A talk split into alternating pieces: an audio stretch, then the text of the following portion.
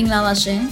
ရေရေမုံမုံပို့ပို့ပပရဲ့အပတ်စဉ်ပုတ်တဟူးနေ့မနေ့10:00နာရီတိုင်းတင်ဆက်နေကြဖြစ်တဲ့တက်သစ္စာလူငယ်ကဏ္ဍကနေကြိုဆိုလိုက်ပါရယ်ဒီ podcast ကတော့မြမလူမှုနယ်ပယ်ကစိတ်အားတက်ကြွပွဲဇလန်းစုံကိုအများသူငါကိုမတန်ဆွမ်းမှုအသိပညာမြင့်တင်ပေးဖို့အတွက်လွတ်လပ်တဲ့တွေးခေါ်ဆင်ခြင်နိုင်မှုတွေနဲ့မျှဝေလိုကြသူတွေရဲ့အသံတွေကိုပြုစုပြောင်းထောင်ဖို့တည်ထောင်ထားခြင်းဖြစ်ပါတယ်။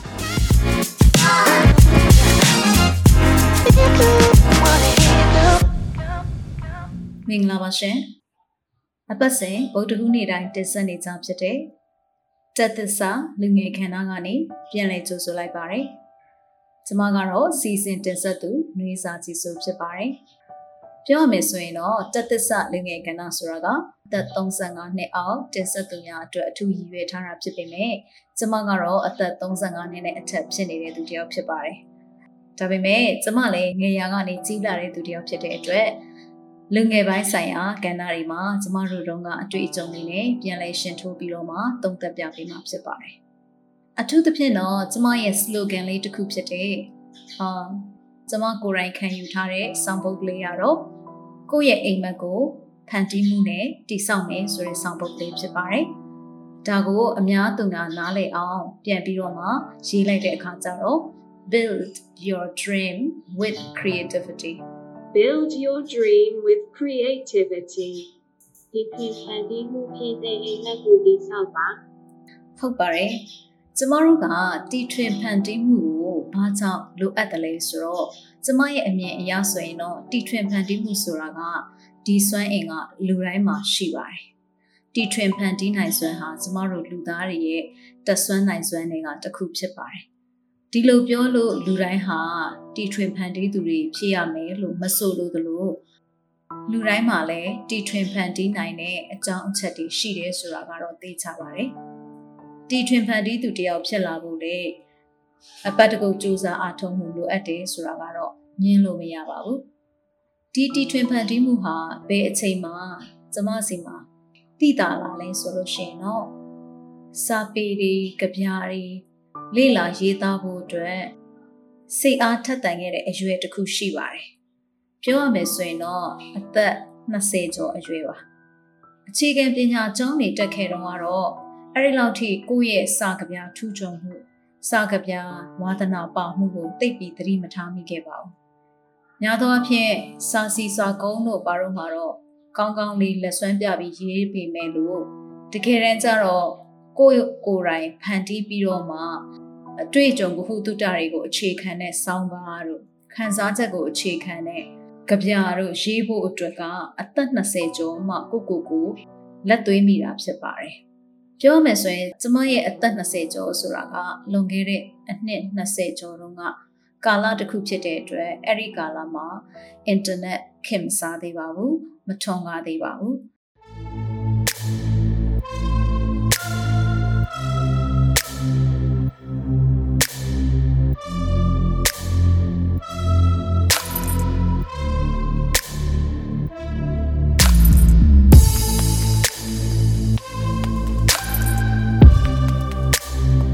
ကျမကကိုသိကျင်တက်ချင်တဲ့စာပေပညာဗဟုသုတတွေရဖို့အတွက်2011ခုနှစ်တုန်းကဆိုလို့ရှိရင်ကျမကစပြီးတော့မှမြန်မာနိုင်ငံစာရေးဆရာအသင်းမှာတွားပြီးတော့မှစာရေးနီးလမ်းညွှန်ဆိုတဲ့သင်တန်းလေးရဲ့ဒုတိယအပတ်စဉ်မှာတက်ဖို့အတွက်စူးစမ်းခဲ့ရပါတယ်။ဘာကြောင့်စူးစမ်းခဲ့ရတယ်ဆိုတော့ကျမအဲ့ဒီကြော်ညာလေးကိုတွေ့တဲ့အချိန်မှာဖုန်းပိတ်သွားပါပြီ။ ဖုန်းပိတ်သွားတဲ့အတွက်ကျမ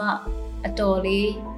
နောက်ကျသွားပြီဆိုတာကိုသိလိုက်ရတယ်။ဒါပေမဲ့ကျမဆွေးမလျှော့ဘူး။ဒီစာပေပိတ်မှန်ရဲ့အပေါ်တက်မှာရှိတယ်။မြန်မာနိုင်ငံစာရေးဆရာအသင်းရဲ့ရုံးခန်းကိုတွားပြီးတော့မှကျမဖောင်လေးတင်ခွင့်တောင်းပါတယ်။အဲ့ဒီတုန်းကတာဝန်ကျတဲ့ဆရာမကြီးကနေပြီးတော့မှကျမနောက်ကျနေပါတယ်။ဒါပေမဲ့ကျမဒီသင်တန်းလေးကိုတက်ပြရစီတက်ချင်လို့တော့မှကျမလာပြီးတော့ရှောက်တာပါ။ တကယ်လို့များချွင်းချက်အနေနဲ့စဉ်းစားပေးလို့ရရင်ကျမကိုတနေရာစာသင်ယူခွင့်အတွက်စဉ်းစားပေးပါဆိုပြီးကျွန်မမြတ်တာရက်ခံခဲ့တယ်ပေါ့နော်ဒါပေမဲ့ကျွန်မစိတ်ထဲမှာတော့တထင်ထင်နဲ့ပဲပြန်လာခဲ့တယ်အဲ့ဒီခေတ်ကတော့ဖုန်းနဲ့ပဲအကြောင်းကြားတဲ့ခေတ်ကိုအဲ့တော့ကျွန်မကတစ်ဖက်မှာအင်တာနက်ဆိုင်ဖွင့်ရင်းနဲ့တစ်ဖက်ကနေပြီးတော့မှဒီလိုမျိုးသင်တန်းတက်ဖို့အတွက်အဲ့ဒီတော့ကဆိုရင်တပတ်ကိုကျမတို့9ရက်လားမသိဘူးတက်ရတယ် အာတက်တဲ့အချိန်ကလည်းနည်းနည်းကိုယ့်ရုပ်ကရနိုင်တယ်ပေါ့နော်နေ့လယ်လောက်ကနေဟိုညနေလောက်အထိကိုတက်ရတာပေါ့နော်နေ့လယ်တနာရီလောက်မသိဘူးစပြီးတက်ရတာညနေ4နာရီအထိလောက်ကျွန်မမှတ်မိသလောက်ဆိုရင်သွားရတဲ့အချိန်ကလည်းနေပူရယ်ပြီးလို့ရှိရင်ပြန်ရတဲ့အချိန်ကလည်းရုံစင်းချိန်နဲ့တူတော့ကားကြက်တယ်ပေါ့နော်အဲ့ဒီတော့ကတော့ဘတ်စကားလေးပဲစီးပြီးတော့တက်ခဲ့တယ်ဒါပေမဲ့အဲ့တင်နန်းကိုကျွန်မအပတ်တစ်ခုတက်ခဲ့တာ နောက်ဆုံးအခမ်းအနားမှာတော့ကျွန်မကအဲ့ဒီတော့ကစောင်းပါမှာပေါ့နော်ကျွန်မတတိယရခဲ့တယ်အဲ့တော့စောင်းပါကအဲ့ဒီမှာကျွန်မရဲ့အာတာချန်လေးကိုစပြီးတော့မြင်ရတယ်ပေါ့နော်ကျွန်မစောင်းပါလေးတွေ article လေးတွေရေးတာဝါဒနာပါတယ်အဲ့ဒီ article လေးတွေရေးတဲ့အခါမှာလည်းကျွန်မကလိုအပ်တဲ့သူတေသနာပြုမှုကိုစနစ်တကျစူးစမ်းပြီးတော့လုပ်တယ်ပေါ့နော် ကိုယ့်ရဲ့အာဘောဆိုတာကကိုယ့်ရဲ့ဝမ်းစာကအဲ့ဒီလောက်မရှိဘူးဆိုရင်ကိုယ့်အာဘောကအများကြီးမပါနိုင်ဘူးအဲ့လိုမျိုးလုပ်တတ်တဲ့အကျင့်ကောင်းလေးရသွားတဲ့အခါမှာစောင်းပါရေးပုံရေးနည်းကိုကျွန်မကောင်းကောင်းတက်ခဲ့တဲ့အခါမှာတော့2012ခုနှစ်မှာကျွန်မအနေနဲ့လူမှုဝန်ထမ်းကနေပြီးတော့မှကျင်းပါတယ်အဲ့ဒီနှစ်က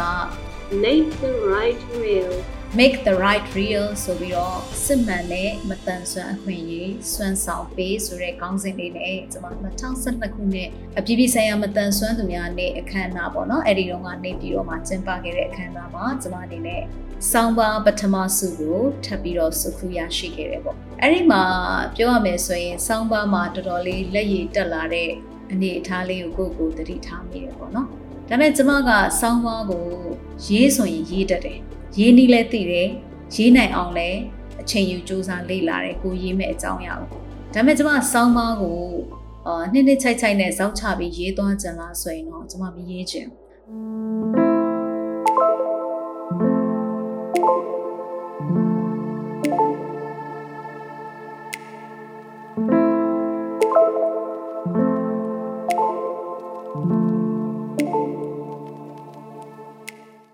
အဲ့ဒီချိန်မှာကျွန်မနောက်ထပ်ဘာကိုထပ်ပြီးတော့ခြေလှမ်းလိုက်ဆိုတော့ကြပြ2008ခုနှစ်လောက်ကတည်းကလည်းကျွန်မကကြပြတွေကိုစပြီးတော့ရေးတယ်ဒါပေမဲ့စာရေးနည်းလမ်းညွှန်သင်တန်းကတော့ကျမတို့ကိုကြပြရေးနည်းဝိထုတူရေးနည်းဝိထုရှည်ရေးနည်းစောင်းပါရေးနည်းစသဖြင့်ပေါ့နော်ဒီစာရေးခြင်းအတတ်ပညာတွေကိုစနစ်တကျသင်ပေးလိုက်တဲ့အတွက်ကြောင့်မလို့စပြီးတော့ပြိုင်ပွဲတွေဝင်တဲ့အခါမှာကျမအနေနဲ့စောင်းပါတွေနဲ့ပဲအရင်ဆုံးစုတွေရခဲ့တာ အရင်တော့ကလည်းကျမတို့ဒီ ning.com ဆိုတဲ့ဒီ website တွေခေတ်စားခဲ့တော့မှဆိုရင်အဲ့ဒီ website အတွင်းမှာလုပ်တဲ့ပြိုင်ပွဲတွေမှာဆိုရင်93လို့ခေါ်တဲ့53 wall ဆိုတဲ့ကြပြ website လေးမှာကျမအမျိုးသမီးကြပြဆရာမအနေနဲ့စုရခဲ့ပူတာလေးတစ်ခုရှိတယ်ပေါ့နော်ဒီနေ့ဒီ KT ကျမတင်ထားသေးတယ်အဲ့ဒီစုလေးကို အဲ့တုန်းကကျမရဲ့ကလောင်နာမည်ကမိတ်သမီမီဆိုတဲ့နာမည်လေးကိုတုံးထားတယ်ပေါ့အင်္ဂလိပ်လိုဆိုရင်တော့ Aries Princess ပေါ့နော် Aries Princess အဲ့တော့ဒီကြပြလေးကတော့စုအနေနဲ့ဆိုရင်လည်းကျမတို့ဒီဓာတ်ပုံပုံစံမျိုးလေးပေါ့နော်စုလေးကို Photoshop လေးနဲ့ design ဆွဲပြီးတော့မှဓာတ်ပုံလိုပဲထုတ်ပြီးတော့ဘောင်လေးကတ်ပြီးတော့ပြီးခဲ့တာဒီစုလေးကကျမဘွားအတွက်လည်းကြပြမှာဆိုရင်ခွန်အားရရလာစေတဲ့မှတ်တရစုလေးပဲပေါ့နော် အဲ့ဒီနောက်မှာတော့ကျမစာရီကြပြာတွေနဲ့တင်မကပဲနဲ့ကျမဒီလုပ်ငန်းခွင်ပိုင်းဆိုင်ရာမှာတခြားသောအသိပညာဗဟုသုတတွေကိုဦးစားပေးပြီးသင်ခဲ့ရတဲ့အပိုင်းတွေရှိလာတော့ကျမစာကြပြဘက်ကနည်းနည်းအားလျော့သွားတယ်ပေါ့နော်ပြောမယ်ဆိုရင်လည်းစာတို့ကြပြတို့ဒီဖန်တီးမှုတွေဆိုတာကတော်တော်များများကနှလုံးသားနဲ့အုံနောက်ကိုချိန်ပေးရတယ်ပေါ့နော် အဲဒါမဲ့လူငယ်တွေတော်တော်များများကဒီဖန်တီးမှုကိုလူတိုင်းလုပ်နိုင်လားဆိုရင်စောစောကပြောသလိုပေါ့နော်လုပ်နိုင်စွမ်းကလူတိုင်းမှာရှိတယ်ဒါပေမဲ့လူတိုင်းကတော့စာကြပြဖန်တီးသူဖြစ်လာမှလည်းမဟုတ်တယ်လို့လူတိုင်းကလည်းစာကြပြဖန်တီးသူကြီးပဲဖြစ်နေဖို့မလိုဘူးပေါ့နော်ဘာလို့လဲဆိုတော့ professional အလုပ်ကိုင်အမျိုးမျိုးမှာတခြားသော နယ်ပယ်တွေကိုပဲတော်တော်များများကငွေရတဲ့နယ်ပယ်တွေနောက်ကိုပဲလူငယ်တွေကလိုက်ကြတာများတယ်ဒီလိုမျိုးအမှုပညာနယ်ပယ်ဆိုတာကအဲတမွေးဝမ်းကြောင်းလုပ်ဖို့အတွက်အာမခံချက်မရှိဘူးလို့တော်တော်များများမြန်မာပြည်မှာရှိနေကြတဲ့မိဘတွေကလည်းထင်ကြတယ်ပေါ့နော်ဒါကြောင့်မလို့ဖန်တီးမှုဆိုတာကလူတိုင်းလည်းမလုပ်နိုင်တယ်လို့လုပ်တဲ့လူတိုင်းဟာလေ professional level အထိ ငွေကြေးနဲ့လုံနိုင်တဲ့ level အထိရောက်ဖို့ဆိုတာကအမတန်အချိန်ယူရတယ်လို့ဝမ်းစာလည်းခိုင်ဖို့လိုအပ်ပါတယ်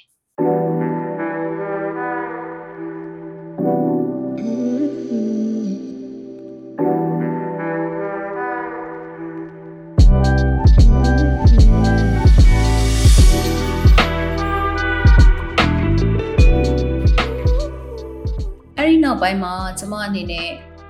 journalism ဘက်ကိုတွားပြီးတော့လေ့လာရတဲ့အပိုင်းတွေဖြစ်လာတယ်ပေါ့နော်။ဒါကတော့လုပ်ငန်းခွင်လိုအပ်ချက်အရာသတင်းမီဒီယာဘိုင်းကိုကျမကအားဖြည့်လို့တဲ့အတွက်ကြောင့်မလို့လုပ်ငန်းခွင်နဲ့သက်ဆိုင်တဲ့သတင်းရေးသားနည်းတွေပြီးလို့ရှိရင်ကိုယ့်အဖွဲ့အစည်းရဲ့လှုပ်ရှားမှုတွေကိုသိအောင်ဘယ်လိုမျိုးအသိပညာပေးဖို့အတွက်မီဒီယာအမျိုးအစားတွေကိုအသုံးပြုရမလဲဆိုတာကိုလိုက်ပြီးရှာပြီးလေ့လာရင်းနဲ့ကအာပထမဦးဆုံးစလေ့လာတာကတော့ Citizen journalism. Citizen journalism လို့ခေါ်တဲ့နိုင်ငံသားသတင်းစာပညာကိုစပြီးလေ့လာတာပေါ့လေအဲ့ဒီမှာသတင်းရေးသားတယ်ဆိုတာကဓာတ်ပုံနဲ့စာသားနဲ့တွေမပြီးတော့ဘဲနဲ့နောက်ပိုင်းမှာအတန်နဲ့ဖော်ထုတ်တဲ့ radio program တွေရုပ်သံနဲ့ဖော်ထုတ်တဲ့ TV program တွေကိုပါကျွန်မဆက်ပြီးတော့လေ့လာဖြစ်တယ်ပေါ့အဲ့ဒီကာလတုန်းကတော့ကျွန်မဟာလူငယ်ဆိုတဲ့ခေါင်းစဉ်အောက်မှာရှိသေးတဲ့အတွက်တော်တော်များများတင်တန်းတွေကိုရှောက်လိုက်လို့ရှိရင် အရွေးခံရတာကများပါတယ်။ဘာဖြစ်လို့လဲဆိုတော့ကျမရဲ့လုပ်ရတဲ့အလုပ်အနေထားကသူများတွေနဲ့တူမနေဘူးထပ်တူကြမနေဘူးပေါ့နော်။ဒါကပဲကျမအတွက်ပို့ပြီးတော့မှ unique ပေါ့တတိတခြားဖြစ်ပြီးတော့မှထင်ထင်ရှားရှားဖြစ်နေတဲ့အနေအထားတစ်ခုလေးဖြစ်သွားတာ။အတန်ဆွမ်းသူတွေအတွက်အသိပညာပေးတဲ့နေရာမှာပြန်သုံးချဖို့အတွက်သင်ကျင်နေဆိုတဲ့ရည်ရွယ်ချက်က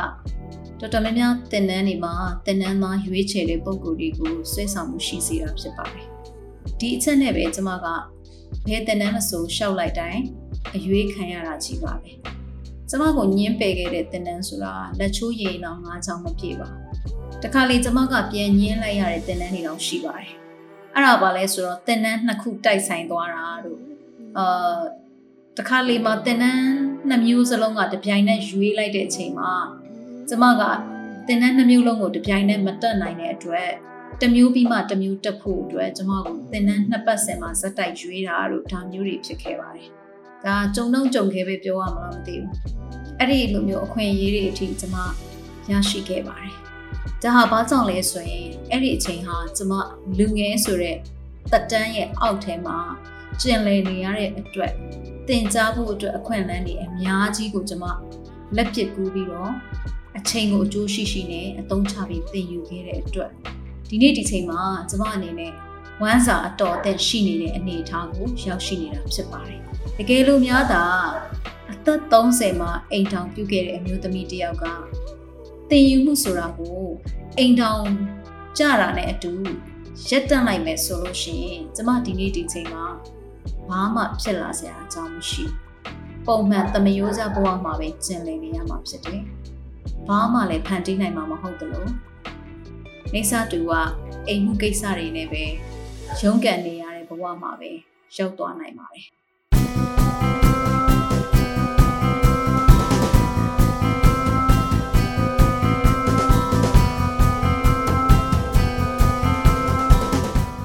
ဒါကဘာလို့ဆိုလို့ခြင်းလဲဆိုရင်ပညာရပ်တစ်ခုကိုသင်တဲ့အခါမှာကျမတို့ကရည်ရွယ်ချက်ထားတဲ့နေလို့ ဆိုလိုချင်တာဖြစ်ပါတယ်။ရည်ရွယ်ချက်မရှိဘဲနဲ့ပညာရပ်တစ်ခုကိုချင်းကပ်သင်ယူနေဆိုရင်လေဘယ်တော့မှစုံကန်းတိုင်တဲ့အထိဇွဲရှိရှိနဲ့သင်ယူနိုင်မှာမဟုတ်ပါဘူး။ပညာရပ်တိုင်းဟာနည်းနည်းခက်ခဲကြပါတယ်။အထူးသဖြင့်တော့ဖန်တီးမှုပညာဆိုတာကစာလေးတစ်ကြောင်းပဲရေးရေးဓာတ်ပုံလေးတစ်ပုံပဲရိုက်ရိုက်ဗီဒီယိုကလစ်လေးတစ်ခုပဲဖန်တီးဖန်တီးအတန်လေးနဲ့ပဲတင်ဆက်တင်ဆက် ကျမတို့ဟာတစ်ဖက်သားရဲ့နှလုံးသားနဲ့အုံနောက်ကိုဖန်ဆားနိုင်ဖို့လိုပါတယ်။အဲ့ဒီလိုပညာရက်တွေသင်ယူတဲ့အခါမှာလေနံပါတ်1ကတော့ကျိုးနွန်ခြင်းဟာအရင်အရေးကြီးပါတယ်။ကျမရဲ့အတွေ့အကြုံအရဆိုရင်ဒီနေ့ဒီချိန်ထိကျမဟာတစ်ဖက်တစ်လမ်းကနေလေကိုယ်တိုင်ပြန်လဲပြီးတော့သင်ယူနေပါတယ်။တစ်ဖက်တစ်လမ်းမှာလည်းကိုတိထားတတ်ထားတာကိုပြန်လဲပြီးတော့မှဝေမျှပေးပါတယ်။ နောက်တစ်ခုကတော့အဲ့ဒီလိုဝေမျှရင်းနဲ့ professional ဆန်ဆန်ပြန်ပြီးတော့မှကျမတို့လုပ်ငန်းခွင်တွေမှာကိုယ်တိုင်ပါဝင်ပြီးတော့မှအသုံးချတဲ့အနေအထားကိုလည်းရှောင်းနေပါပြီတကယ်လို့သာကျမကဒီပညာရက်တွေကမလိုသေးပါဘူး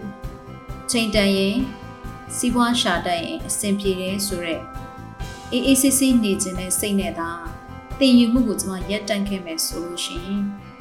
အဲ့ဒီပညာရက်တွေကလည်းဘယ်တော့မှကျမကိုပြန်အကျိုးပေးဖို့အခါအခွင့်သင့်မှာမဟုတ်ပါဘူးကျမအသက်33နှစ်မှာမှတ်တမ်းရုပ်ရှင်ဆိုတဲ့လောကကိုစပြီးတော့အခြေချပြီးတော့လေ့လာသင်ယူခွင့်ရခဲ့ပါတယ်။အဲဒီနောက်အသက်34မှာဒုတိယအခွင့်အရေးတစ်ခုရှာလာခဲ့တယ်။ရုပ်ရှင်နဲ့ပတ်သက်ပြီးတော့မှငကန်းတစ်လုံးမသိတဲ့ကျမကပထမသင်တန်းပြီးသွားရင် ရုပ်ရှင်ရိုက်တတ်ပြီလို့ထင်တဲ့အချိန်မှာဒုတိယသင်တန်းကိုကျမသွားပြီးတော့ညှင်းပယ်ခဲ့ပါတယ်။ဘာလို့လဲဆိုတော့အဲ့အချိန်မှာကျမကကိုယ့်ရဲ့အသက်မွေးဝမ်းကြောင်းအတွက် NGO ဝန်ထမ်းလုပ်ပြီးတော့ဝင်ငွေရှာနေရတဲ့ကာလဖြစ်တယ်ပေါ့။ဒါပေမဲ့အဲ့ဒီတင်တန်းမှာ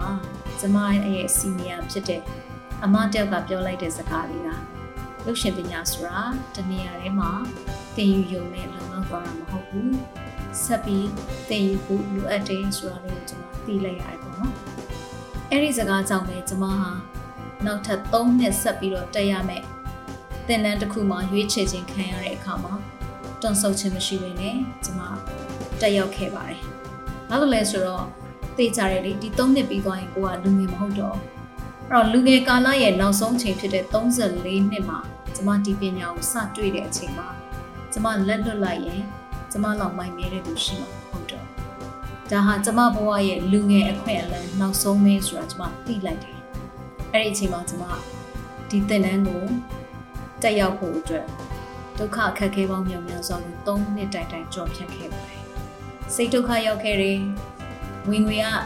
လင်မယားနှစ်ယောက်မှာတယောက်စာနဲ့ရက်တည်ခဲ့ရတယ်။ကျမအလုပ်ထွက်လိုက်တဲ့အတွက်ကျမရဲ့နှစ်ဖက်မိသားစုကကျမကိုအပြစ်မြင်ကြတယ်။အ ချိန်မှန်ဝင်ငွေရနေတဲ့လကစားအလုပ်ကိုလွှတ်ပြီးမှတင်နန်းသွားတက်ရလောက်အောင်ကျမကိုမိုက်တယ်လို့ထင်ခဲ့ကြတယ်။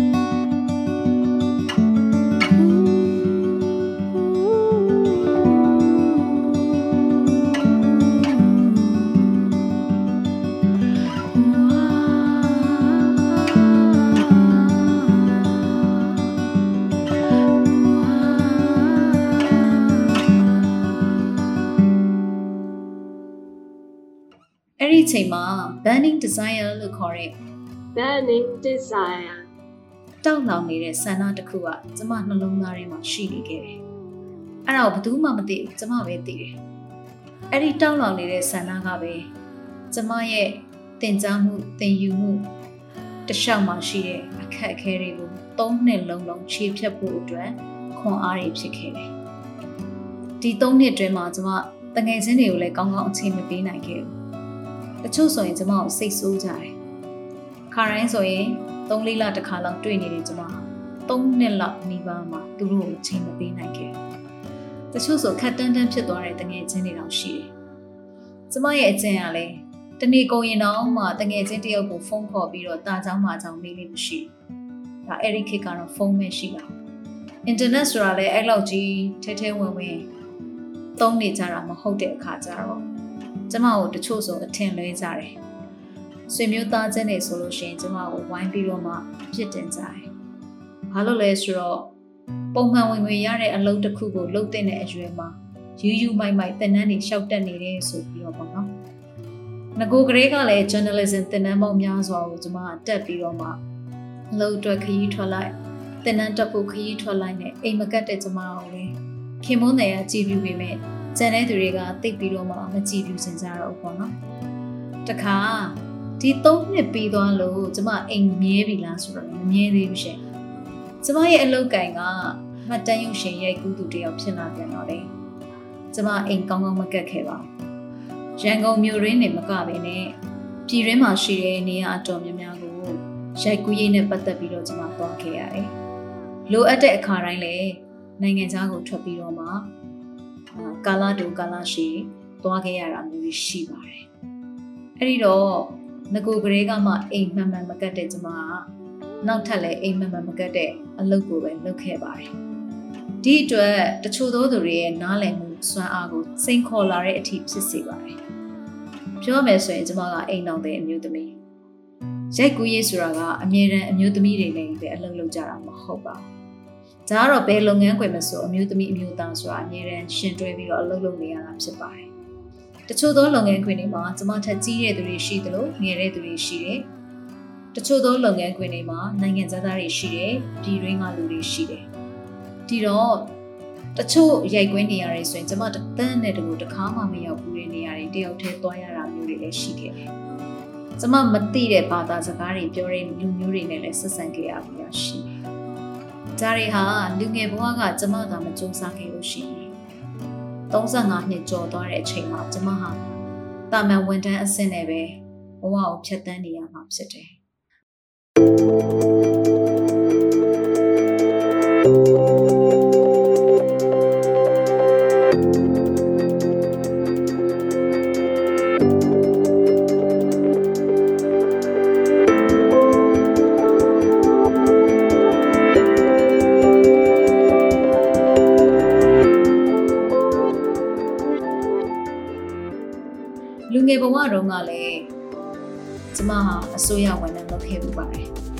မိဘတွေရဲ့တိုက်တွန်းမှုနဲ့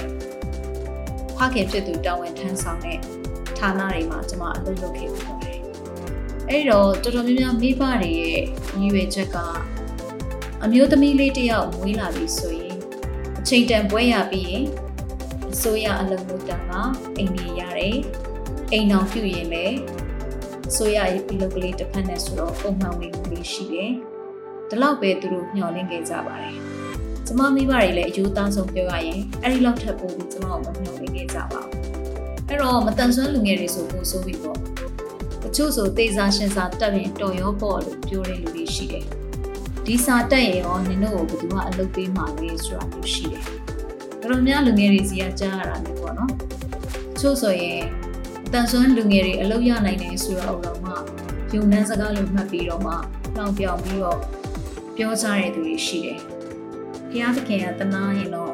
အလုပ်ရရင်ရမှာပေါ့ဆိုတဲ့အပြုံးမျိုးတွေပေါ့နော်။အဲလူမစွမ်းနတ်မဆိုတဲ့စကားမျိုးတွေလည်းပေါ့နော်။ဒီလိုမျိုးလေးတွေနဲ့ပဲခနဲ့တက်တက်ပြောခဲ့ကြတဲ့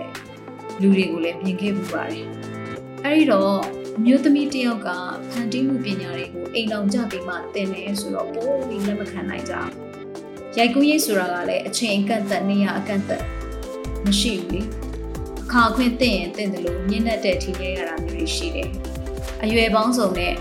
ညအိမ်ညစ်တွေအလုပ်သွားရတာရှိတယ်။အချိန်မတော်မိုးချုံမှအိမ်ပြန်ရောက်လာတာလည်းရှိတယ်။မနက်စောကြီးထထွက်သွားရတာမျိုးတွေလည်းရှိတယ်။အဲ့ဒီတော့အိမ်ကောင်တဲ့အမျိုးသမီးတယောက်ကိုရိုင်းကလည်းမတန်ဆွမ်းသူကိုယူထားတဲ့အမျိုးသမီးတယောက်ကဒီလိုအခြားတန်ဆွမ်းတဲ့အမျိုးသားအမျိုးသမီးပေါင်းစုံနဲ့နေမရှောင်ညမအားအလုံးလုံးနေတာကသိပြီးတော့မှမျက်စိထဲမှာ ကြည့်လို့ရှိလို့အဆင်ပြေတဲ့အနေအထားမဟုတ်ကြဘူးပေါ့နော်ဒါပေမဲ့တခုအဆင်ပြေတာကကျမအမျိုးသားကနားလည်မှုပြည့်ရှိတယ်သူကိုယ်တိုင်လည်းဇလန်းတွေကိုချစ်မြတ်လို့တယ်သူကိုယ်တိုင်လည်းအခါခွင့်တင်တယ်လို့ဇညွှန်းနေရေးတယ်ပြောရရင်တော့ကျမတို့နှစ်ယောက်ကလမိုင်းကတ်တယ်ပေါ့နော်ဝါသနာတူတယ်လို့ပြောလို့ရတယ်ကျမဒီပညာတွေသင်ခြင်းဟာလေသူ့ကိုတနည်းတစ်ပုံပါရမီဖြည့်ခြင်းတမျိုးပေါ့နော် သူပြောချင်တဲ့ story တစ်ပုဒ်ကိုဘယ်လိုပုံစံအကောင်းဆုံးတင်ဆက်နိုင်မလဲဆိုတာကိုကျမသိလာခြင်းတယ်သူ့ကိုအကောင့်ထဲပေါ်ပေးခြင်းတယ်ဒီလိုပုံစံမျိုးနဲ့လည်းကျမဒီပညာရက်တွေကိုထဲထဲဝင်ဝင်လေ့လာခဲ့တာလည်းပါတယ်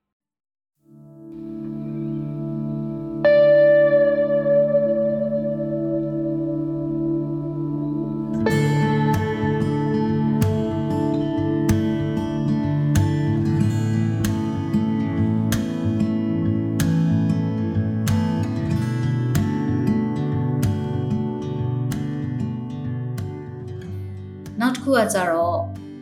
မတန်ဆွမ်းလူမှုအတိုင်းအဝန်းမှာမတန်ဆွမ်းလူငယ်တွေကိုယ်တိုင်ဖန်တီးမှုတွေကိုလုပ်တာကိုဖြစ်စေခြင်းတယ်။နိုင်ငံတကာမှာရှိတဲ့မတန်ဆွမ်းလူငယ်တွေကိုယ်တိုင်ကဖန်တီးမှုတွေကိုလုပ်နေကြပြီ။ကျမတို့နိုင်ငံမှာရှိတဲ့မတန်ဆွမ်းလူငယ်လေးတွေကဖန်တီးမှုလုပ်ဖို့နေနေတတာဖန်တီးမှုပညာရက်တွေကိုသင်ဖို့တော့မှအနာမကတ်နိုင်ကြဘူး။တော်တော်များများသောကျောင်းနေတော်တော်များများသောဖန်တီးမှုသင်တန်းတွေကမတန်ဆွမ်းလူငယ်တွေအတွက် အတားအဆီးတွေအများကြီးရှိတယ်။ပထမဆုံးကတော့ပညာရေးအတားအဆီးပါ။ပညာအရေးချင်းပြည့်ပြည့်စုံစုံမရှိထားတဲ့အခါတသက်ဆိုင်ရာဘာသာရပ်တွေသင်ဖို့အတွက်ကအင်္ဂလိပ်စာကအနှိမ့်ဆုံး intermediate level လောက်မှအဆင်ပြေမယ်ဒါပေမဲ့တော်တော်များများက basic level လောက်မှပဲရှိတယ်ဆိုရင်ဒီအဆင့်မြင့်ပညာရပ်တွေကိုသင်ယူဖို့ဖန်တီးမှုပညာရပ်တွေကိုသင်ယူဖို့အတွက်လက်လှမ်းမိနိုင်မှုအားနည်းသွားတယ်နောက်တစ်ခုကတော့မတန်ဆွမ်းမှုပေါ့နော် အထူးသဖြင့်အမြင်အာယုံနဲ့အကြားအာယုံမတန်ဆွမ်းတွေအတွက်ဆိုရင်ဒီဇလန်းတွေနဲ့ပတ်သက်တဲ့ပညာရပ်တွေကိုသင်ရတဲ့အခါမှာအဟန်တာအနေငယ်တော့ရှိတယ်အဲ့တော့အနည်းဆက်ဆုံးကကိုအင်္ဂါမတန်ဆွမ်းသူတွေဖြစ်တယ်အဲ့တော့ကိုအင်္ဂါမတန်ဆွမ်းသူတွေကပို့ပြီးတော့မှဒီပညာရပ်တွေကိုထဲထဲဝင်ဝင်သင်ယူနိုင်ဖို့အတွက်ဆိုပြန်တော့လေအထူးသဖြင့်ရိုက်ကူးရေးလိုမျိုးခန္ဓာတွေမှာဆိုရင် လှုပ်ရှားသွားလာဖို့အတွက်ခန္ဓာကိုယ်ကတချို့နေရာတွေမှာအဆင်ပြေပြေဖြစ်နေဖို့ကခက်ခဲတဲ့မတန်ဆွမ်းမှုမျိုးတွေရှိတယ်။နောက်တစ်ခုကကျတော့ဒီလက်ပိုင်းဆိုင်ရာပေါ့နော်။ Okay WeChat နဲ့တွားလို့ရတယ်ဆိုပေမဲ့ဒီလက်ပိုင်းဆိုင်ရာမှာဒီရိုက်ကူးရေးပစ္စည်းတွေကိုကင်တွယ်အသုံးပြုရတာတို့ခလုတ်တွေနှိပ်ရတာတို့လိုအပ်ရင်ထမ်းပိုးရတာတို့ပြီးရင်လှုပ်ရှားမှုတွေလုပ်ရတာတို့ ဒါတွေအတွက်ကြတော့တန်မာတဲ့လက်ချောင်းတွေရှိနေဖို့ကလိုပြန်တယ်။အဲ့လိုပြောလို့လက်ချောင်းမရှိတဲ့သူအလုံးမဖြစ်ဘူးလို့ဆိုလိုတာမဟုတ်ပါဘူး။အများအားဖြင့်အသုံးပြုရတဲ့ခန္ဓာကိုယ်အစိတ်ပိုင်းဟာမျက်လုံးရယ်၊နားရယ်၊လက်ရယ်၊ခြေထောက်ရယ်ဖြစ်ပါတယ်။တရုပ်ဆောင်လိုမျိုး acting လုပ်တဲ့သူတွေကြတော့တကိုယ်လုံးကောင်းကောင်းအသုံးပြုနိုင်ရတာဖြစ်ပါတယ်။ဒီလိုအခန်းကဏ္ဍတွေအတွက်ဆိုရင်မတန်ဆွမ်းသူတွေအတွက် အနည်းနဲ့အများတော့အဟန်တာဖြစ်တယ်။ဒါပေမဲ့ဒါကိုဘယ်လိုအဆင်ပြေအောင်လုပ်မလဲဆိုတဲ့နည်းလမ်းတွေတော့ရှာလို့ရတယ်။ဒါပေမဲ့အဲ့လောက်အဆင့်ထိဘယ်သူမှထဲထဲဝင်ဝင်စဉ်းစားပြီးတော့မှရိုက်ကူးရေးကဏ္ဍတွေဖန်တီးမှုကဏ္ဍတွေမှာမတန်ဆွမ်းသူတွေပါနိုင်အောင်သင်တန်းတွေကမလုံဆောင်ပေးနိုင်သေးပါဘူး။ဒါကြောင့်မလို့မတန်ဆွမ်းလူငယ်တွေထဲမှာကျမပထမဆုံးဦးစားပေးပြီးတော့သင်ပေးတာကကိုအင်္ဂါမတန်ဆွမ်းနေဖြစ်ပါတယ်။ ဒုတိယကတော့အမြင့်အာယုံမတန်ဆွမ်းနေလိုက်ပါတယ်။ကျမအနေနဲ့စူးစမ်းခဲ့ပေမဲ့အခြားယုံမတန်ဆွမ်းသူတွေဉာဏ်ရည်မတန်ဆွမ်းသူတွေနဲ့ပတ်သက်ပြီးတော့ဒီနေ့ဒီချိန်ထိမသင်ပေးနိုင်သေးပါဘူး။ဉာဏ်ရည်မတန်ဆွမ်းနဲ့ပတ်သက်ရင်တော့ကျမကဘလို့လူတွေကိုသင်ပေးဖို့ပို့ပြီးစိတ်ဝင်စားလဲဆိုရင်သူတို့ရဲ့မိဖတွေသူတို့ရဲ့ညီကိုမောင်နှမတွေဒါတွေကပဲပို့ပြီးတော့မှဖန်တီးသူအနေနဲ့မတန်ဆွမ်းအရေးကိုဖော်ထုတ်တဲ့နေလို့ကျွန်မမြင်နေပေါ့နော် သူတို့ကသင်ယူနိုင်တဲ့သူတွေဖြစ်တယ်လို့မတန်ဆွမ်းသူတွေနဲ့အနီးကပ်နေနိုင်တဲ့သူတွေလည်းဖြစ်တဲ့အတွက်ဒီပညာရက်တွေဟာမတန်ဆွမ်းသူတွေတင်မကဘဲနဲ့တန်ဆွမ်းမိပါတယ်မတန်ဆွမ်းညီကိုမောင်နှမနဲ့မိသားစုဝင်တွေအတွက်ဒီဖန်တီးမှုပညာရက်ကလိုအပ်တယ်ဆိုရင်မမှားပါဘူးသူတို့ရဲ့အသက်မွေးဝမ်းကြောင်းအတွက်ဆိုတာထက်မတန်ဆွမ်းအတိုက်အဝန်းမှာရှိနေတဲ့စက်ကြောင်းတွေကိုပေါ်ထုတ်တင်ဆက်နိုင်မှုအတွက်မတန်ဆွမ်း တိုက်အဝန်းနဲ့နှီးစက်တဲ့လူငယ်တွေရဲ့အင်အားကအရန်အရေးကြီးပါတယ်။မတန်ဆွမ်းသူတွေကိုယ်တိုင်မလုံနိုင်ရင်လည်းသူ့ရဲ့မိသားစုဝင်တွေသူ့ရဲ့ဇနီးခင်မွန်မိခင်ဖခင်ညီကိုမောင်နှမတွေကလှုပ်ဆောင်ပေးလို့ရပါတယ်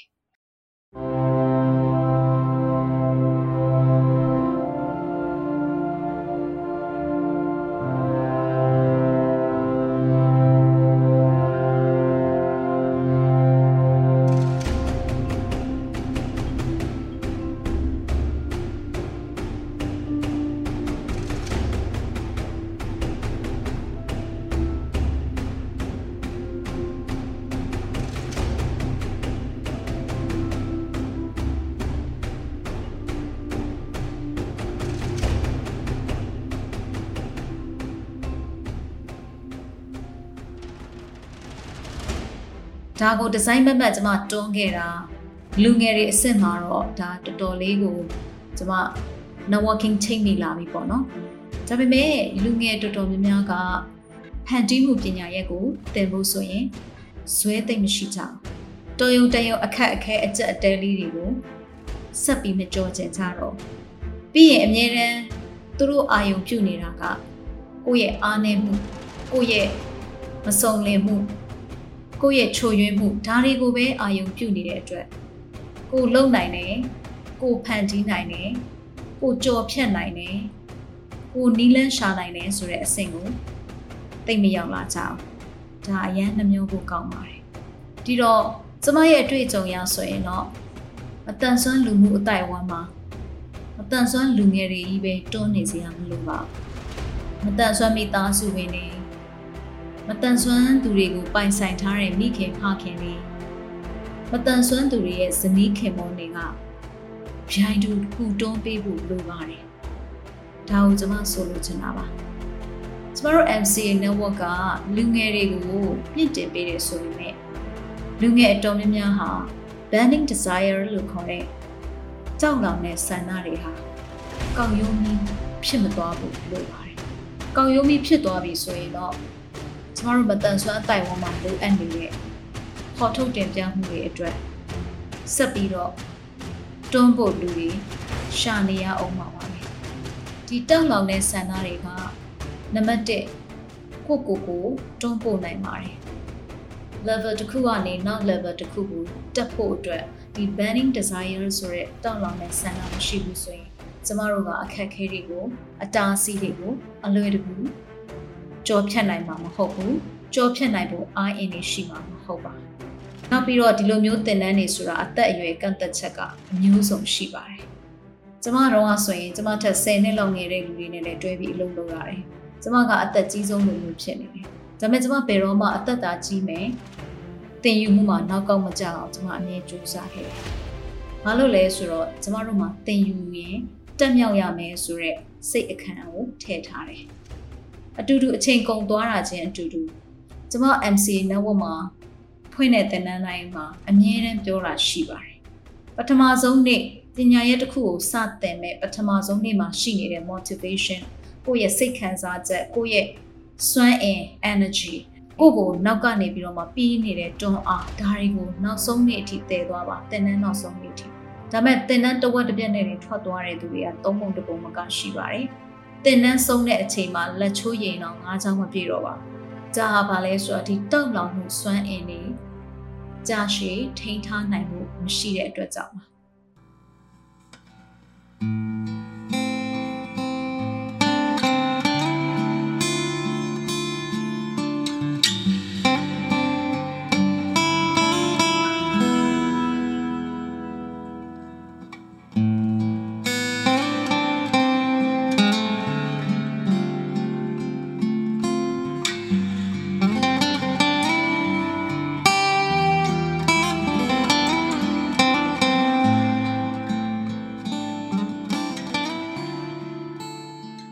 ဒါပေမဲ့တစ်ချိန်ချိန်မှာကျတော့သူတို့ကဒီပညာရက်ကိုပြန်ပြီးတော့မှ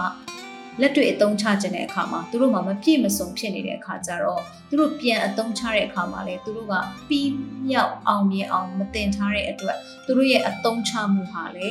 ပြည့်ပြည့်ဝဝသူတို့ကိုပညာရက်ကပြန်အကျိုးမပေးနိုင်တာကိုတွေ့ရတယ်။သိနှမျောဖို့ကောင်းပါတယ်။ပညာရက်တစ်ခုကိုပြီးမြောက်အောင်မြင်အောင်သင်မထားဘဲနဲ့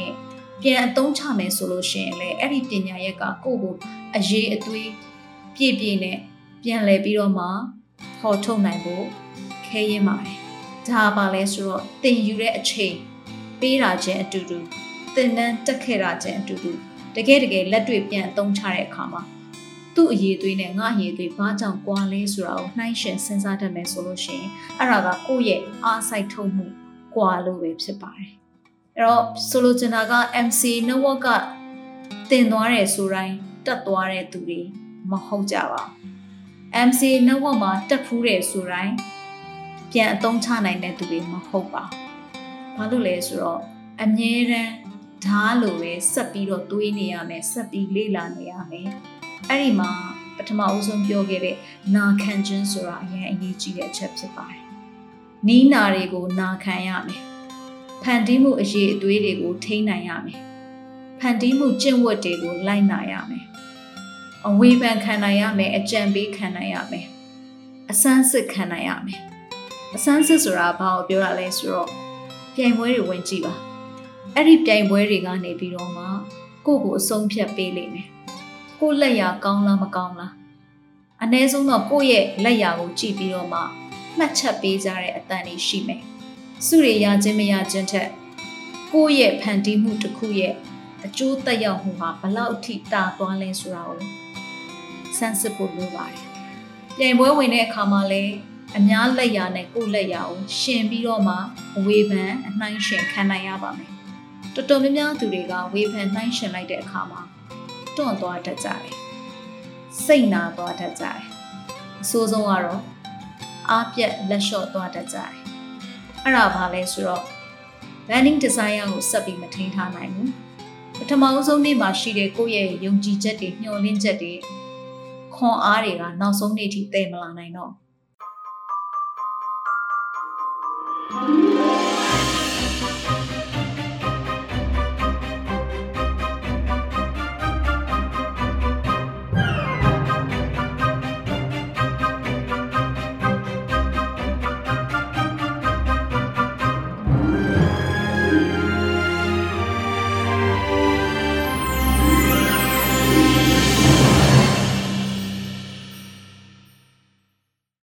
ကျမတို့ဆိုတင်နန်းပေါင်းစုံတက်တယ်။ကိုယ့်ရဲ့လက်ရာကိုကိုယ့်ရဲ့ဆရာတွေကိုပြဖို့အမတန်ချင်းကပ်ရခတ်တယ်။ပြလိုက်လို့ဆရာတွေစီကတခွန်းလေးပဲရရအဲ့ဒါကိုအမျက်တနိုးတန်ဖို့ထားပြီးတော့လိုက်ပြင်းတယ်။အာမနာတဲ့ပြောတတ်တဲ့ဆရာတွေရဲ့တွန်တင်မှုကိုခံယူတယ်။နာရကောင်းသည်လို့မခံစားခဲ့ဘူး။ငါ့ကိုတော့ဖဲ့နေတာပဲ။ငါ့ကိုတော့ချိုးနေလိုက်တာပဲလို့ဘယ်တော့ကဘယ်တော့မှမခံစားခဲ့ဘူး။အဲ့ဒီသူတို့ရဲ့ feedback လေးရဖို့သူတို့ရဲ့တုံ့ပြန်ချက်လေးသဘောထားမှတ်ချက်လေးရဖို့ကိုယ့်ရဲ့လက်ရာလေးတစ်ခုကိုအကြံပေးဖို့တော်ရုံတန်ရုံဆရာတွေကိုချင်းကပ်ဖို့ခက်ခဲပါတယ်။ဘာလို့လဲဆိုတော့သူတို့ဟာလူတိုင်းကိုဒီလိုမျိုး feedback မပေးလို့ပါ။အဲ့လိုလူတွေစီကိုချင်းကပ်ပြီးတော့ကိုယ့်ရဲ့လက်ရာကိုအဆန်းစစ်ခံရတာလည်းရှင်ခုန်မှုတစ်မျိုးပါပဲ။အများသူငါနဲ့ရှင်ပြီးတော့မှပြိုင်ပွဲတွေဝင်ပြီးတော့မှပရိသတ်ရှိမှာ စင်မော်တက်ပြီးတော့မှကိုကိုကိုဖန်တီးသူလိုမိတ်ဆက်ပြီးစကားပြောရတဲ့အခါမှာရှိတဲ့ရင်ခုန်မှုမျိုးကလည်းတစ်မျိုးပါပဲနောက်တစ်ခုကကြတော့ကိုဖန်တီးလိုက်တဲ့ပုံကိုကိုဖန်တီးလိုက်တဲ့အကြောင်းအရာကိုလူတွေကသဘောကျပြီးတော့ချီးမြှောက်ကြတဲ့အတန်တွေသူ့ကိုအားပေးကြတဲ့အတန်တွေကိုကြားရတဲ့အခါမှာခံစားရတဲ့ခံစားချက်ကလည်းတစ်မျိုးပါပဲတော်တော်များများသင်တန်းတွေမှာကျမတို့ကအမြဲတမ်းအောက်ခြေခိုင်အောင်လို့ သင်ယူတယ်ဘယ်သင်တန်းမဆိုကျမအခုလို online ကတက်တဲ့သင်တန်းမဟုတ်ဘူးဘာစကားတိုးစီးပြီးတော့မှတက်ရတဲ့သင်တန်းဟာမှကျမပြည့်ရမရှိအောင်နေတက်တယ်ဘယ်လိုအကြောင်းပြချက်နဲ့မှနေမကောင်းဘူးဆိုပြီးကျမသင်တန်းမသွားတာလည်းမရှိဘူးလုံးဝမဲ့အလုပ်ကိုနောက်ရွှေ့တာလည်းမရှိဘူးရွှေ့တဲ့လူတွေအဖို့တော့မှကျမကပူပြီးတော့မှလုပ်ပေးဖို့ကြိုးစားတယ်တက်နိုင်တဲ့လောက်ခေါင်းမရှောင်အဲ့ဒီကနေကျမကိုဘာပြန်ပြီးတော့အကျိုးပေးလဲဆိုတော့ လုပ်ငန်းခွင်အတွေ့အကြုံတွေအကျိုးပေးပါတယ်။အဲ့ဒီအတွေ့အကြုံတွေဟာကျမတို့ပတ်စံနဲ့ဝယ်ယူလို့မရပါဘူး။ဒီလိုအတွေ့အကြုံတွေကိုအခြေခံပြီးတော့မှကိုကပြန်ပြီးသူများကိုဝင်မြှောက်ပေးတဲ့အခါမှာလေကောင်းကောင်းနီးပေးလမ်းညွှန်နိုင်တာဖြစ်ပါတယ်။အဲ့တော့ပညာရက်တစ်ခုကိုသင်တဲ့အခါမှာထမအုပ်ဆုံးပြောခဲ့တဲ့ရည်ရွယ်ချက်မခိုင်မာလို့ရှိရင်အဆုံးထိမသင်နိုင်ဘူးဆိုတာဒီမှာပြန်ပြီးခြုံငုံသုံးသပ်ရမယ်ဆိုလို့ရှိရင်တော့ ကျမမှာအစာတွေကရည်ရွယ်ချက်ရှိတယ်။ကိုတက်ထားရင်ကိုပြန်တင်ပေးမယ်။သူများကိုပြန်တင်ပေးဖို့ဆိုရင်ကိုကနှစ်ဆအနည်းဆုံးလေးလာရပါတယ်။ပြန်တင်ပေးမယ်ဆိုတာလှုပ်ရှားတာကိုပြောတာမဟုတ်နော်။လှုပ်ရှားရဲဆိုတာငွေကြေးနဲ့တင်နန်းတွေပြန်ဖွင့်ပြီးတော့မှလှုပ်တာကိုလှုပ်ရှားတယ်လို့ခေါ်တယ်။ကျမကကျမလိုပဲစာငတ်မှုရှိတဲ့လူငယ်တွေကိုပြန်ရှာဖွေပြီးတော့တင်ပေးတာဖြစ်တယ်။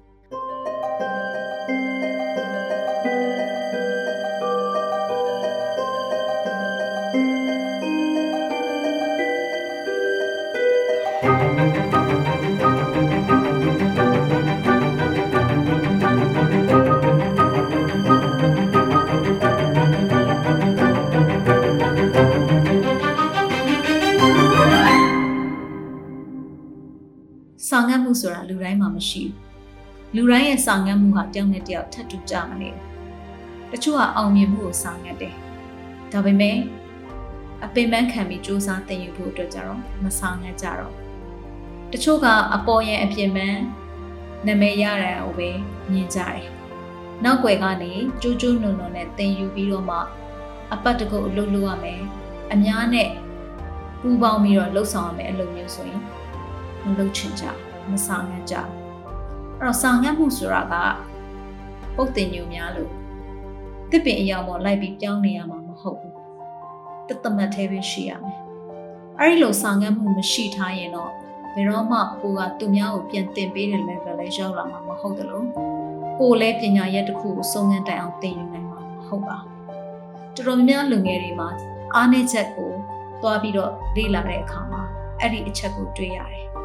တချို့ကကြတော့ကောက်ရိုးမီပေါ့နော်နာတော့ကတော့ချမယ်ပြုမယ်ပဲဒါပေမဲ့နာပိုင်းပဲခံတယ်လုံးဝငြိမ်ကြပါတယ်ဘာလို့သွားပြီး focus လုပ်လဲဆိုတော့ကိုယ့်ရဲ့မစုံလင်မှုအားနည်းမှုမတက်နိုင်မှုတွေကိုပဲ focus လုပ်ပြီးတော့ give up လုပ်လိုက်ကြတယ်နောက်ပြီးတော့မာနလေးတွေရှိကြတယ်အဲ့ဒါပါလဲဆိုတော့ငါဒီပညာရဲ့မတက်လဲဘာမှမဖြစ်ပါဘူးငါမှလည်းအခုအလုပ်ရှိနေတာပဲ okay အဲ့ဒါဆိုရင်တော့ဒီပညာရက်ကို ချိန်ပေးပြီးသင်မနေပဲနဲ့အေးအေးဆေးဆေးထိုင်ပြီးတော့မှရုပ်ရှင်တွေကြည့်နေတာမှပို့ပြီးတော့မှအကျိုးရှိနေပေါ့နော်အဲ့ဒါပါလဲဆိုတော့ပညာရက်တစ်ခုရဲ့အကျိုးကျေးဇူးကိုအဆုံးထိမမြင်တာပါမျက်စိတစ်စုံလောက်ကလေးပဲကြည့်ပြီးတော့ကိုယ့်ဟာကိုယ်ဆုံးဖြတ်ချက်ချလိုက်တယ်တကယ်တမ်းကျတော့ဒီပညာရက်တွေရဲ့နောက်ွယ်မှာမမြင်နိုင်တဲ့နောက်ထပ်အခွင့်အလမ်းကဘာကြီးတစ်ခုရှိနေတာညှို့ဝှက်ချက်လိုပဲပေါ့နော် တုံတန်အောင်မျက်စိနဲ့မမြင်နိုင်ပေါ့နော်အဲ့ဒါကြောင့်မို့လို့လေတော်တော်များများကဒီပညာမတက်လဲဘာမှမဖြစ်ဘူးငါတို့မှအခုလှုပ်ရှိတယ်ငါတို့အဲ့လောက်ပင်ပန်းခံတင်စရာမလိုဘူးဆိုတဲ့အဆင့်နဲ့တင်ဘိုက်ဘိုက်ပြသွားတာများရပေါ့နော်ဒါပေမဲ့တကယ်အပတ်တကုတ်နှစ်နဲ့ချီပြီးစူးစမ်းလာတဲ့လူငယ်တွေကြတော့အသေးအပွင့်ခံစားလာရတဲ့အခါမှာဒီပညာရဲ့တန်ဖိုးကိုသိလေလေဒီပညာကို ပို့ပြီးတော့မှတန်ဖိုးထားလိမ့်မယ်အဲ့တော့ရည်ရွယ်ချက်ဆိုတာအဲ့ဒါပဲခိုင်မာတဲ့ရည်ရွယ်ချက်မရှိရင်ဘယ်တော့မှအဆုံးထိမသိဘူးအကြောင်းမျိုးမျိုးနဲ့ကိုနောက်ဆုတ်သွားလိမ့်မယ်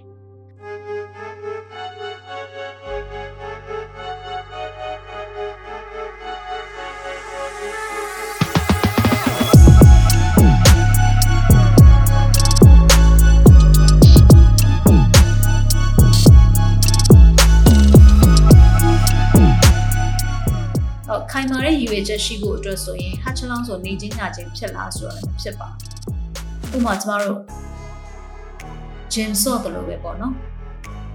ကျမတို့ငကိုတွေကလှနေရင်ကျမတို့ gym သွားစရာမလိုဘူးကိုလုံးကိုပေါက်တွေလှနေမယ်အစီတွေမရှိဘူးအဝမလုံးဘူးဆိုကျမတို့ gym သွားစရာမလိုဘူးလေကျမတို့လက်ရှိရှိနေတဲ့ခန္ဓာကိုယ်အချိုးအစားအနေအထားချက်ပိုပြီးကောင်းတဲ့အနေအထားတစ်ခုဥပမာ six pack တွေပါတွေထွက်ချင်တယ်အာ အစီဘူတွေချခြင်းနဲ့ body structure ကိုလှအောင်လုပ်ချင်တယ်ဆိုတော့မှကျမတို့က gym တွေကိုတွားကြတယ်ပေါ့နော်အဲ့တော့ gym တွေတွားပြီဆိုတော့ကကျမတို့မှာတိကျတဲ့ရည်ရွယ်ချက်ရှိတယ်လေအပြင်းပြေ gym တွားအောင်မယ်ဆိုပြီးဘယ်သူမှမတွားပါဘူးအဲ့တော့အဲ့ gym တွားပြီဆိုတော့က gym ကနေနေ့စဉ်နဲ့အမျှကိုယ့်ရဲ့ခန္ဓာကိုယ်မှာရှိတဲ့အပိုင်းတွေကိုတဖြည်းဖြည်းနဲ့ပုံသွင်းလာတာပေါ့နော် အဲ့တော့လနဲ့ချီနှစ်နဲ့ချီမှသာလျှင်ကိုယ့်ရဲ့ခန္ဓာကိုယ်ချိုးစား result ပေါ့ရလဒ်အနေနဲ့ပုံပြောင်းလာတာဖြစ်တယ်ဒီသဘောအတိုင်းပါပဲကျမတို့သင်ယူမှုမှာလည်းကျမတို့သင်တန်းတစ်ခုကိုတက်ပြီဆိုတော့ပို့ပြီးတော့မှကောင်းတဲ့ level တစ်ခုဥပမာ vlogger သင်တန်းတက်တယ်ဆိုပါဆို vlogger ဖြစ်ရမယ်ဆိုတဲ့စိတ်နဲ့ပဲကျမတို့လာခဲ့ကြတာဖြစ်တယ်ဒါပေမဲ့တဝက်တစ်ပြက်နဲ့လှည့်ပြန်သွားရင်တော့ဒါ vlogger ဖြစ်မှာမဟုတ်ဘူး အဆုံးအထိ design မမတ်နဲ့ဆက်လုပ်တော့မှဒါ vlogger ဆိုတဲ့ level တစ်ခုကိုကိုကနေပြီးတော့မှလူတန်းစီရောက်နိုင်မှာဖြစ်တယ်။ဒါပေမဲ့တဝက်လုံးနဲ့လှည့်ပြန်သွားရင်တော့ vlogger မဖြစ်တော့ပြီးတော့အဲ့ဒါနေချင်းကြချင်းဖြစ်လာမဖြစ်ပါဘူး။တင်တန်းကာလပြီးသွားရုံနဲ့ vlogger ဖြစ်လာမဖြစ်ပါဘူး။ကိုကဆက်ပြီးတော့မှဘလောက် apply ပြန်လုပ်နိုင်လဲဘလောက်ပြန်ပြီးတော့ဒီပညာရဲ့ကိုအသုံးချပြီးတော့မှကိုယ့်ရဲ့ဖန်တီးမှုတွေကို အယောင်တောက်လာအောင်လုပ်နိုင်တယ်ဆိုတဲ့ပုံမှာမူတည်ပြီးတော့မှဂျင်သွားတယ်လို့ပဲတဖြည်းဖြည်းနဲ့လနဲ့နှစ်နဲ့ချီတော့မှကိုယ့်ရဲ့ profile တစ်ခုက social media ပေါ်မှာနာမည်ထွက်လာတာဖြစ်တယ်။ MC network ဆိုတာအခု9နှစ်ကျော်သက်တမ်းကိုရောက်လာပြီ။ငကိုတော့က part time လေးတွေလုပ်ရကနေ covid နောက်ပိုင်းမှာ full time ပုံစံမျိုးနဲ့ကျမတို့ရသလောက် run ပေးနေတဲ့အချိန်ပေးနိုင်တော့တယ်။ ဒါပေမဲ့လူငယ်တော်တော်များများကဒီအချိန်မှာအချိန်မပေးနိုင်တဲ့သူတွေလည်းရှိနေပေါ့နော်။ဆိုတော့အချိန်ပေးနိုင်အောင်တော့စောစောရလိုမျိုးအဆုံးထိရီမှန်းချက်ခိုင်ခိုင်မာမာမရှိထားရင်တဝက်တစ်ပြက်နဲ့ပဲရက်သွားကြတယ်ပေါ့။ဒါဟာတိတ်နှမျောဖို့ကောင်းပါတယ်။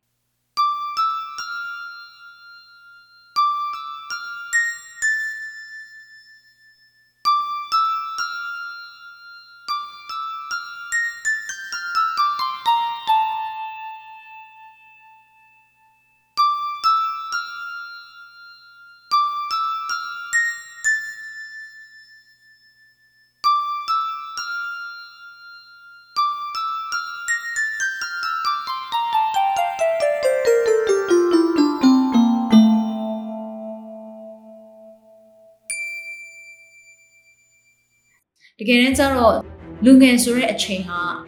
ကျမတို့ကိုစောင့်မနေပါဘူး35နှစ်ဆိုတာကအေးအေးနေအောင်ကိုဗစ်ဖြစ်နေတော့မို့လို့ငါရက်အောင်ပဲ35နှစ်ကိုကောက်မလုပ်သေးဘူးလို့သူမှမပြောပါကျမတို့စက္ကန့်တန်လေးရွေးနေတာနဲ့အမျှဒီစက္ကန့်တန်ချက်ချက်ချက်ချက်ဆိုတာလေးကကျမတို့ရဲ့အသက်ကိုဆွဲပြီးတော့မှကြီးသွားတာဖြစ်တယ်ဒါကိုလူငယ်တော်တော်များမေးလျော်နေကြတယ်ဒီကာလာကြီးကကျမတို့အတွက် holiday ပေးထားတဲ့ကာလာကြီးမဟုတ်ပါဘူး နားလို့ရပါတယ်ဒါမိတ်ဆွေရဲ့ဆုံးဖြတ်ချက်မိတ်ဆွေပေါ်အောင်မိတ်ဆွေပိုင်ပါတယ်ဒါပေမဲ့အဲ့ဒီနားလိုက်ခြင်းဟာမိတ်ဆွေအတွက်ဘယ်တော့အကျိုးရှိမလဲဒီအချိန်မှာတစ်ခုခုကိုသင်ယူလိုက်မယ်တစ်ခုခုကိုလှုပ်လှုပ်လိုက်မယ်ဆိုလို့ရှိရင်မိတ်ဆွေအတွက်ဘာတွေတိုးတက်လာမလဲမိတ်ဆွေနောက်3နှစ်အတွင်းမှာဘာဖြစ်မလဲဆိုတာအခုချိန်မမှန်းနိုင်သေးဘူးဆိုပါစို့ဒါပေမဲ့နောက်3လအတွင်းမှာငါဘာလုပ်နိုင်မလဲဆိုတာတော့မှန်းလို့ရပါတယ်အဲ့ တော့မိတ်ဆွေရဲ့သင်ယူခြင်းစိတ်ကိုပြန်ဆန်းစစ်ဖို့လိုတယ်ငါကလူငယ်ပဲလူငယ်ပဲဆိုပြီးလူငယ်ကနေကြောက်ချနေလို့မရပါဘူးတနေ့35နှစ်ဆိုတော့နယ်နမိတ်ကိုကြော်ဖြတ်ပြီးတော့မှတက်ကြီးပိုင်းရောက်သွားရင်တင်တန်းအခွင့်အလမ်းတွေအရင်နှဲသွားပါပြီအဲ့ဒီကြတော့မှ35နှစ်ပြန်ဖြစ်ချင်လို့လည်းမရလူငယ်တင်တန်းတွေကိုသွားရှင်းရှောက်ရင်လည်းဘယ်သူမှကိုယ့်ကိုရွေးမှာမဟုတ်တော့ကိုယ့်ထက်ဦးစားပေးရမယ့်လူငယ်တွေကအနောက်မှာအများကြီးတန်းစီနေတယ် ကိုကမီးပွိုင်းမှာပြက်နေတဲ့ကားလိုလုံနေပါလေအခုကျမတို့မီးပွိုင်းမိနေတာမဟုတ်ပါအဲ့ဒီစက္ကန့်တန်လေးရွေးနေတာနဲ့အမျှကျမတို့ဟာတင်ယူခြင်းမှာမရက်တန့်နေနဲ့ဆက်လက်ပြေးလွှားနေဖို့လိုပါတယ်။ကျမတို့မှာအသက်အရွယ်တွေကြောင့်မှတ်ဉာဏ်တွေအားလည်းစကားပြောပါတယ်။35နှစ်နောက်ပိုင်းမှာအိမ်တော်တွေဖြစ်စေအပြိုလူပြိုဖြစ်စေမှတ်ဉာဏ်အားလျော့လာပါလိမ့်မယ်။ တခြားသောလုပ်ငန်းခွင်ဆိုင်ရာမိသားစုဆိုင်ရာလူမှုရေးဆိုင်ရာကိုရေးကိုယ်ရာဆိုင်ရာပြဿနာပေါင်း16000ကနေရာယူလာရင်အုံနောက်နဲ့နှလုံးသားကိုဦးစားပေးပြီးမှလုပ်ရတဲ့အလုပ်တွေအတွက်စွမ်းဆောင်ရည်တွေကျလာပါလိမ့်မယ်ဒီတော့35နှစ်အောက်မှာရှိနေတော့ကိုယ့်အတွက်သင်တန်းတွေခွင့်အလန်းတွေရှိနေတော့ကိုကကြောက်ချထိုင်မနေဘဲနဲ့ဒီကာလမှာဆက်ပြီးတော့မှပြေးနေဖို့လိုပါတယ် မသိမချင်းသင်ယူနေဖို့လိုပါတယ်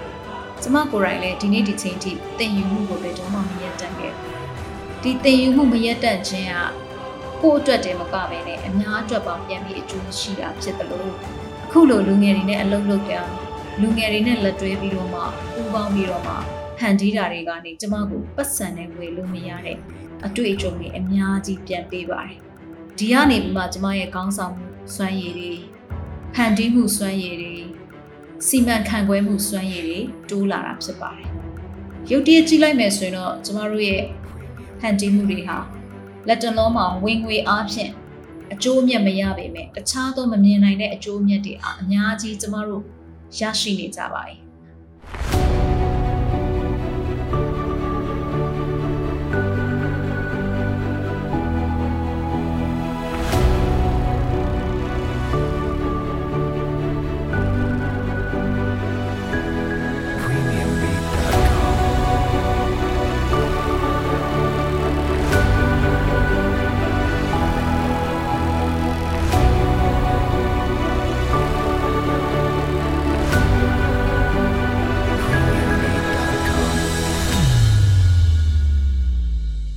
မတို့နဲ့တူလက်တွဲနေကြတဲ့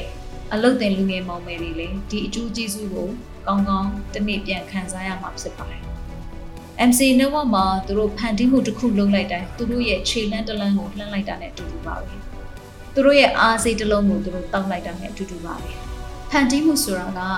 ကျမတို့ရဲ့ရုပ်ပိုင်းဆိုင်ရာစိတ်ပိုင်းဆိုင်ရာတွေကို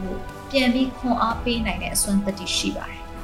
ဒီအစွမ်းသတ္တိတွေကနေပဲကျမတို့ကိုတခြားသူတွေကိုပါရုပ်ပိုင်းစိတ်ပိုင်းဆိုင်ရာခွန်အားတွေရအောင်ကျမတို့ရဲ့ဖန်တီးမှုတွေနဲ့လှုပ်ဆောင်နိုင်လာတာဖြစ်ပါတယ်။ဒါဆိုရင်မိတ်ဆွေရောစက္ကန့်လေးကိုရက်ထားလို့ရပြီလား။မိတ်ဆွေရဲ့နာရီကိုတက်ခဲဖြုတ်လိုက်မယ်ဆိုရင်တော့စက္ကန့်တန်လေးကရက်သွားပါလိမ့်မယ်။ဒါပေမဲ့မိတ်ဆွေရဲ့အသက်ကတော့ဘယ်တော့မှရက်တန့်သွားမှာမဟုတ်ဘူး။နေ့စဉ်နဲ့အမျှအချိန်နဲ့အမျှအသက်ကကြီးနေမှာဖြစ်တယ်။ မိတ်ဆွေခု35ပြည့်ဖို့ဘယ်လောက်လိုသေးလဲ။ကောင့်လုပ်ကြည့်ပြီးပြီလား။ရေတွက်ကြည့်ပြီးပြီလား။အဲ့တော့35မပြည့်ခင်မှာမိတ်ဆွေဘယ်လောက်နှုံးနဲ့ပြေးမလဲ။ကျမတို့တုန်းကလို့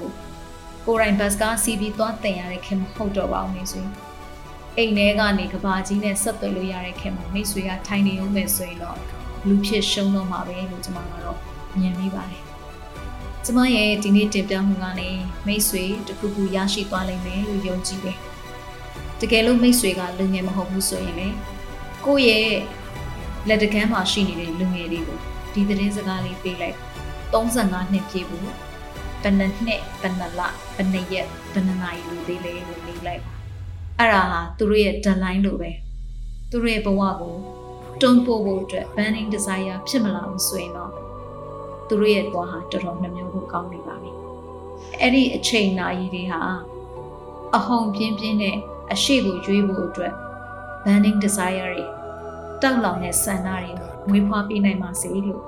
ကျွန်မဆုတောင်းပေးလိုက်ပါတယ်ရှင်။ကိုယ့်ရဲ့အသက်35နှစ်မတိုင်ခင်မှာအကောင်းဆုံးရှောက်လန်းရမယ့်ဘဝတက်လန်းနေပညာရက်တွေကိုရှာဖွေစီးပူးနိုင်ပါစေလို့ကျွန်မဒီကနေ့ဆုတောင်းပေးလိုက်ပါတယ်။အားလုံးကိုကျေးဇူးတင်ပါတယ်ရှင်။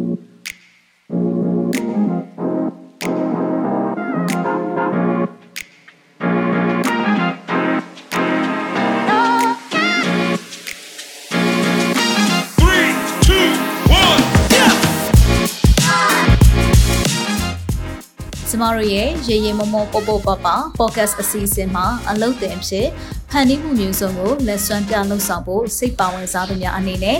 Google Form ကနေပြီးတော့မှမိမိတို့ရဲ့မှတ်ပုံတင်ရှင်းနှောင်းတဲ့အလှတက်ပုံတစ်ပုံအပြင်နမူနာလက်ရာတစ်ခုနဲ့အတူ